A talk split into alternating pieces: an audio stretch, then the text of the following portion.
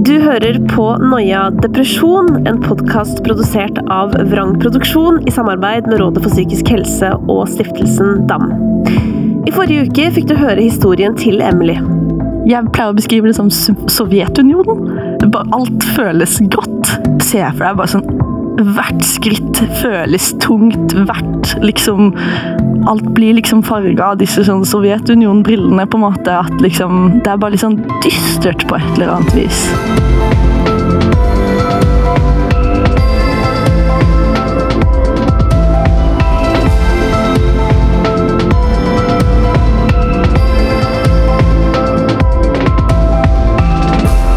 Uken skal det handle om symptomer på depresjon. Aller først skal vi ta tak i et par ting fra Emilys historie. Hun ble nemlig nylig diagnostisert med bipolar type 2. Bipolar lidelse er en psykisk sykdom hvor symptomene består av perioder med unormal oppstemthet og perioder med depresjon. Og bipolar type 2 skiller seg fra type 1 ved å ikke ha såkalt maniske episoder. Det er depresjonene som er den store belastningen ved Emilys diagnose. Og derfor lurer jeg på er det sånn at den deprimerte tilstanden er lik for mennesker som har bipolar lidelse, og de som opplever en depressiv episode? Det er både det samme og ikke. Fordi at når vi snakker om det bipolare spekteret, så for det første så er det veldig forskjellig fra person til person hvordan det kommer til uttrykk. Og en bipolar lidelse er veldig mye mer utbredt enn det vi tror. Det er heller ikke farlig, men det er mye mer biologisk betinget.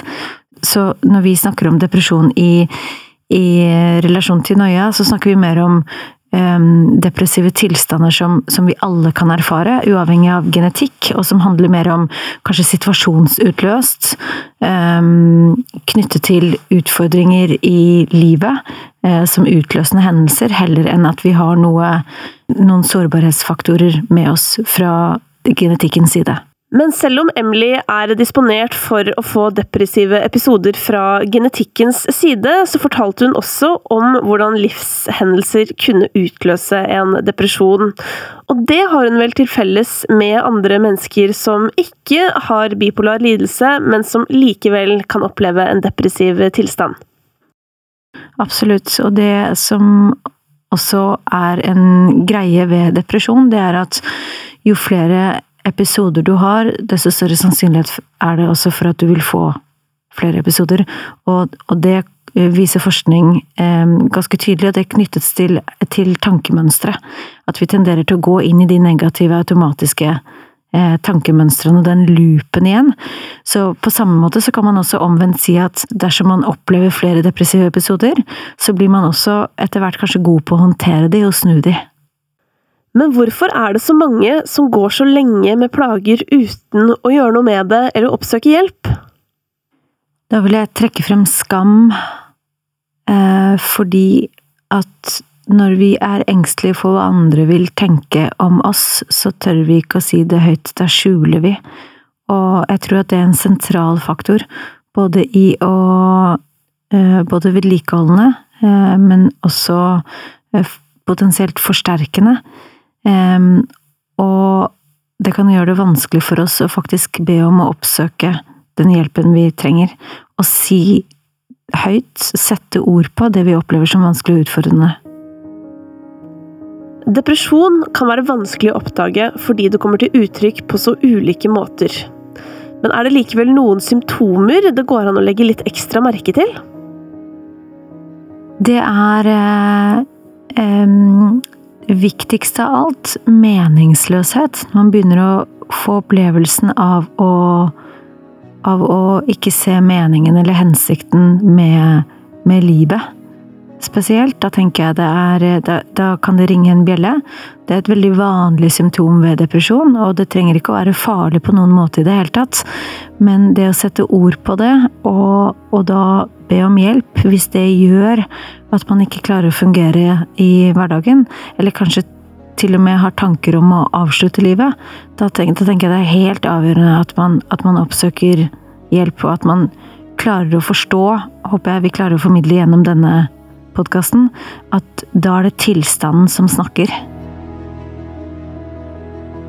Andre type symptomer er tristhet, nedstemthet, at det er tungt, eh, mangel på glede, man ikke opplever den samme gleden som man gjorde før.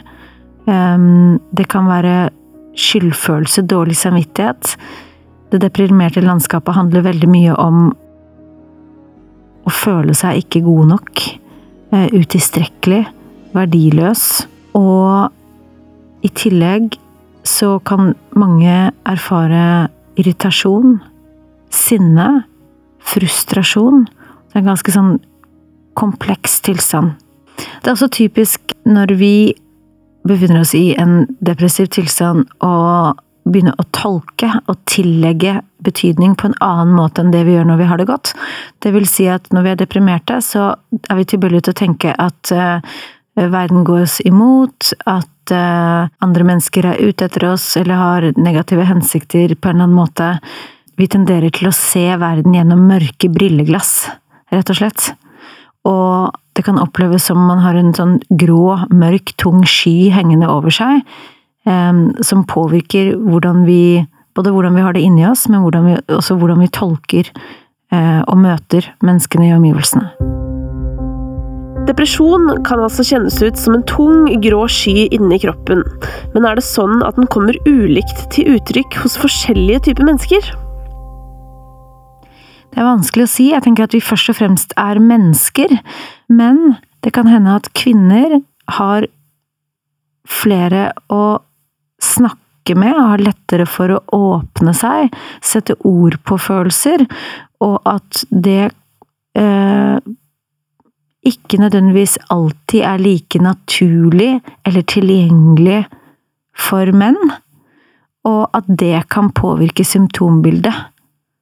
At det da kan bygge seg opp i en, i en større grad av frustrasjon på en eller annen måte, når man ikke får anledning til å sette ord på, eller selv klarer å beskrive, sette ord på, forstå hva som skjer.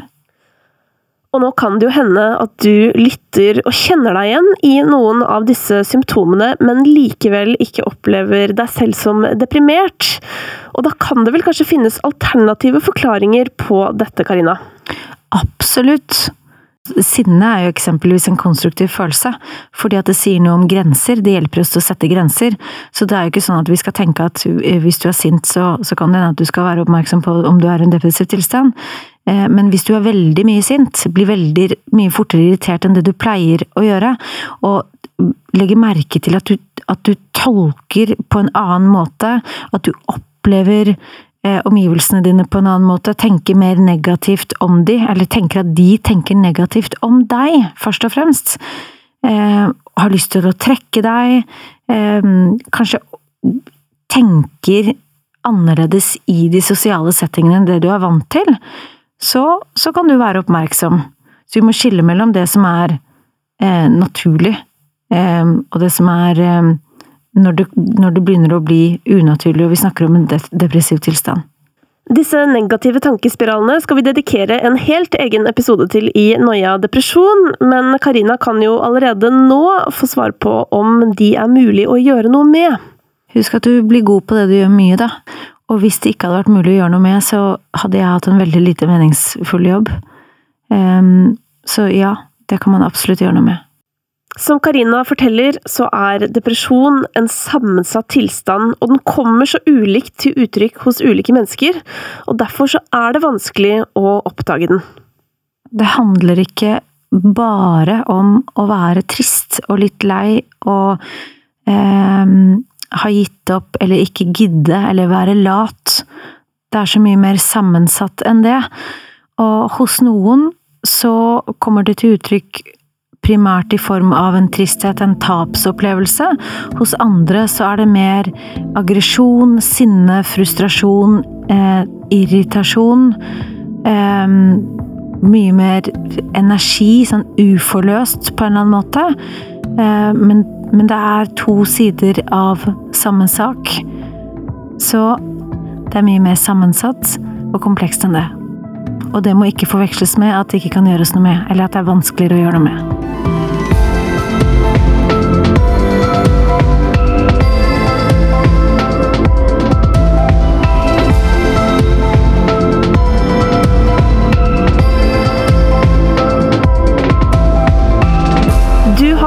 På Noia depresjon, en podkast produsert av Vrang Produksjon i samarbeid med Rådet for psykisk helse og stiftelsen DAM.